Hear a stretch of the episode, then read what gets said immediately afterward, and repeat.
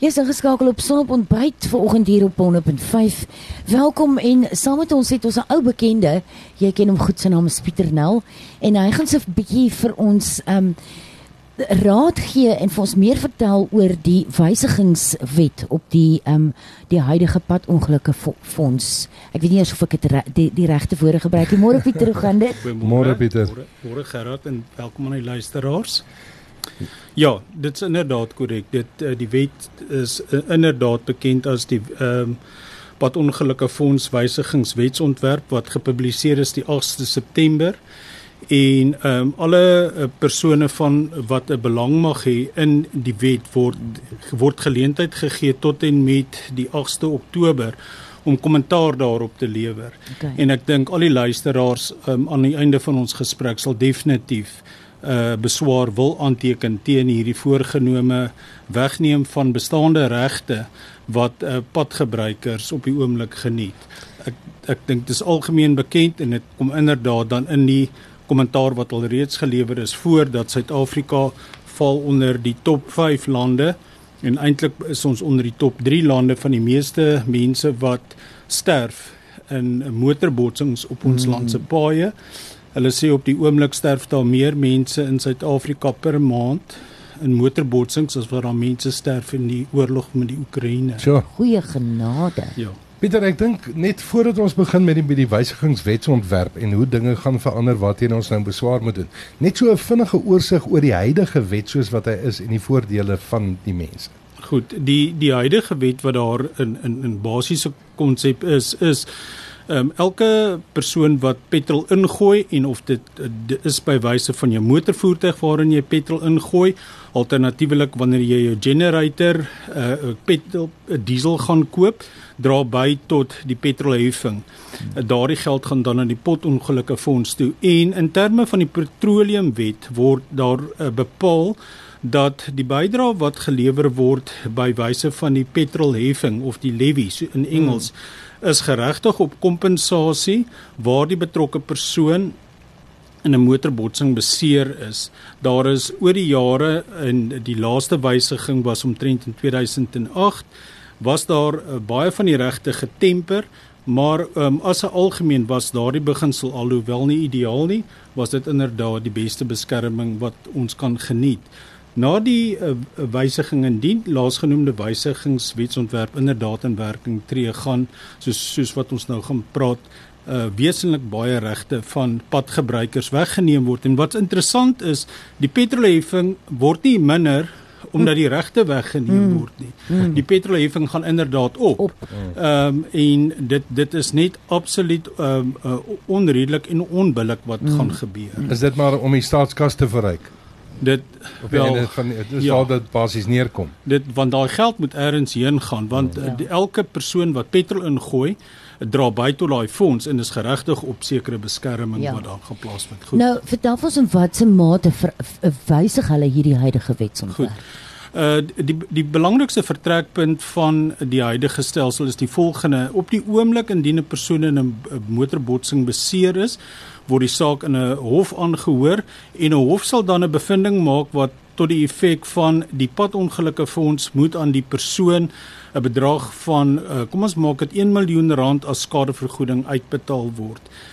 Wat nou gaan gebeur is dit gaan amper soos ehm um, SASSA hanteer uh, word. Die persoon gaan nie meer 'n een eenmalige bedrag kry nie.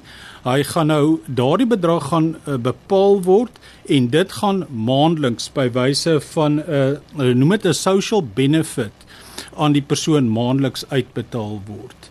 Uh die effek daarvan gaan wees dat 'n uh, 'n uh, vasgestelde bedrag gaan bepaal word en dit gaan dan aan die persoon uitbetaal word indien daardie persoon op 'n stadium te sterwe sou kom, hou daai betaling onmiddellik op.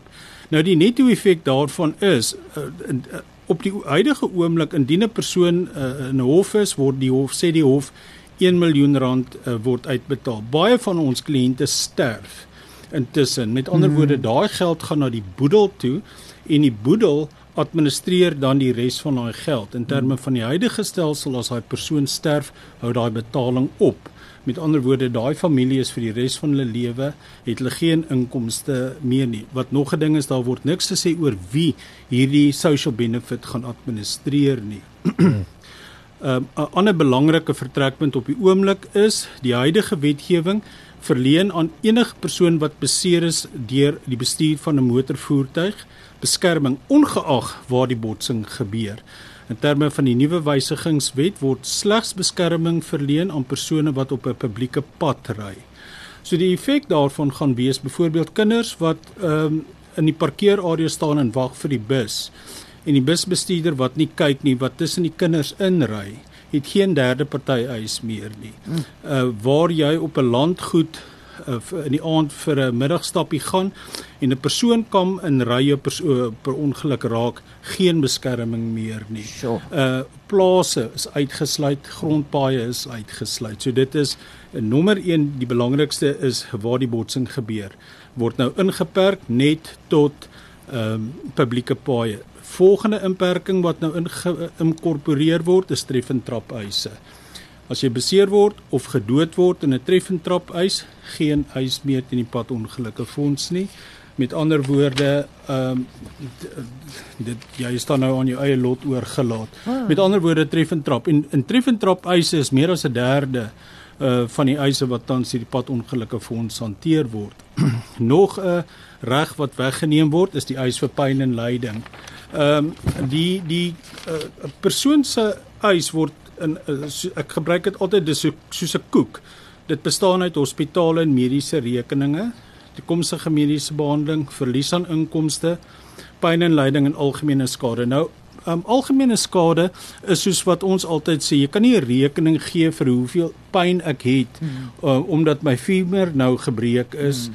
en ek al, elke keer as dit koud is, dan is dit pyn of alternatiefelik ek my arm word geamputeer of nog erger dis 'n vrou en sy het 'n ernstige litteken wat deur haar gesig is. Die implikasie is geen geen vergoeding word daarmee uh, daardie uh, in betrekking tot algemene skade mee betaal nie. Nou net op daai punt hoekom dit so onbillik is, baie van ons kliënte is werkloos. En wat hulle dan doen is as hulle gebruik daai geld vir algemene skade om byvoorbeeld te betaal vir hospitale hmm. mediese uitgawes. Ons het byvoorbeeld kliënte wat bene verloor het. Dan gebruik ons daai geld vir algemene skade om vir hulle proteses te kry. En dit, nou val dit weg. Met ander woorde, as jy nie 'n eis het vir algemene skade vir 'n uh, uh, uh, eis het vir verlies aan inkomste nie, geen geld wat jy mee gaan kry nie. So dit is eintlik vir al vir die mense wat nie werk nie mm. is dit uiters onbillik want mm. uh, daar was altyd hierdie moontlikheid dat ons die kliënte kon help om ten minste dan mediese behandeling te kry. Ja. Goed. Dan ehm um, die ou artikel 19 bevat soos soos wat ons dit algemeen ons praat altyd van as jy in Nieu-Seeland se se se se pool is dit is die pool of death. Nou die padongelukke fonds wet dit ook so 'n tipe van be, bepaling en dit is artikel 19 Nou artikel 19, die ou artikel 19 bepaal indien jy in daai groep val, geen eis teen die fonds nie. Nou hulle daai artikel 19 langer gemaak. En die eerste nuwe groep wat nou onder artikel 19 geïnkorporeer word, is die bepaling wat sê dat indien die bus of die taxi public liability het, mag die persone wat in die taxi of bus is geen eis meer teen die fonds instel nie.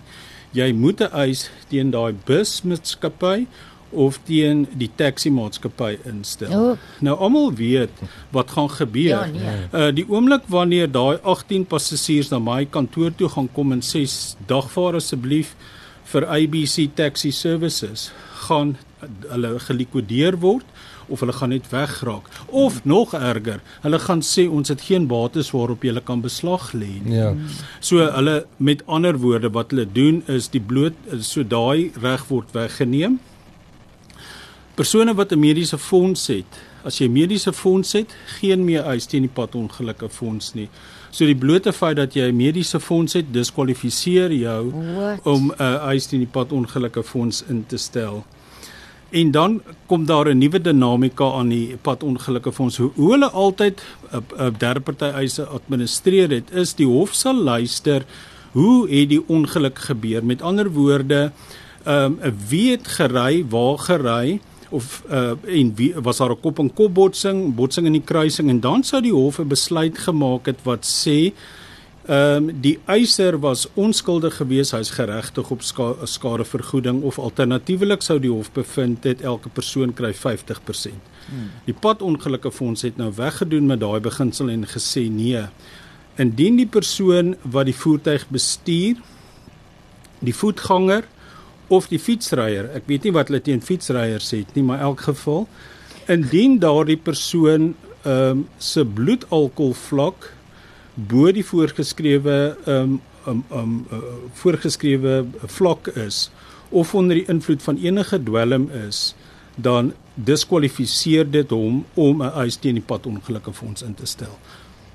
Nou die eerste oogopslag sal ons sê maar dit is nie te uh, onbillik nie maar advokaat het eendag vir my gesê meer as die helfte van die mense wat 9 ure in die aand op die pad is is oor die voorgeskrewe bloedalkoholvlak maar dit maak hulle nie nalatig nie hmm. met ander woorde hulle bly in hulle bane hulle stop by 'n rooi robot en dit waar die nalatigheid inkom is wanneer daai persoon in 'n aankomende baan in beweeg hmm. dis wanneer jy nalatig begin word hmm. die hof steur hom nie daaraan nie die padongelukke fonds sê indien jy onder die invloed is of uh, dit by wyse van alkohol is of dwelms is jy gediskwalifiseer. En wat dit nou nog erger maak is indien die persoon sterf in die ongeluk het die afhanklikes ook geen eis nie.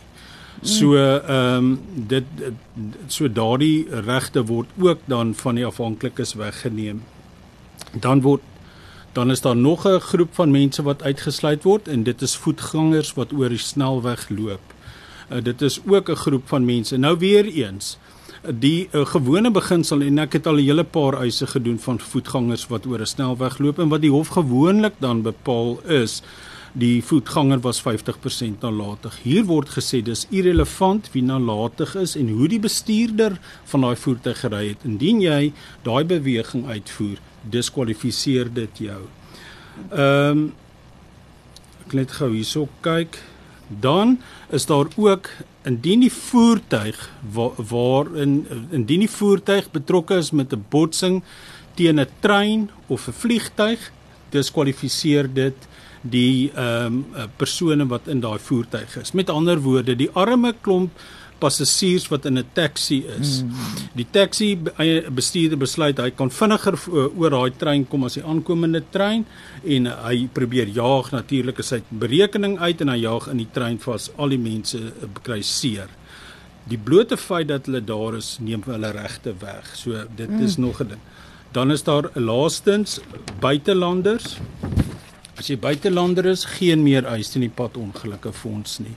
Nou weer eens ons kan sê maar dit dit is nie te erg nie maar die, die ding is dit is mense wat bydra tot die padongelukke fonds mm. want mm. daai mense of hulle nou plaasarbeiders is en of hulle nou mynwerkers is die oomblik wanneer ons dink aan uh, uh, buitelanders dan dink ons altyd is hierdie mense wat uh, um, illegal hierso is en mm. net steel en dit maar dit dis nie die waarheid nie meer daar da, die buitelanders doen meer goed vir ons as sleg mm. maar en daarom om nou terug te keer na die konsep die blote feit dat ek 'n buitelander is diskwalifiseer my is absoluut teenstrydig met die grondwet. Ja.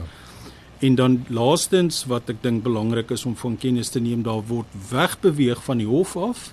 Hulle wil nie meer hê dat die beslegtingsproses in in 'n hof moet geskied nie. Dit moet nou in 'n in 'n forum geskied wat hulle noem 'n alternative dispute resolution waar die voorsittende beampte deur die departement van vervoer aangestel gaan word. Nee. Nou nou vra ek net sla eensydig. Dit dit ja. is die padongelukke fonds moet besluit hoeveel geld jy gaan kry en die persoon wat moet besluit hoeveel jy gaan kry word deur die departement van vervoer aangestel mm. en dit is absolute inbreukmaking op, op mense reg mm. tot 'n uh, billike verhoor.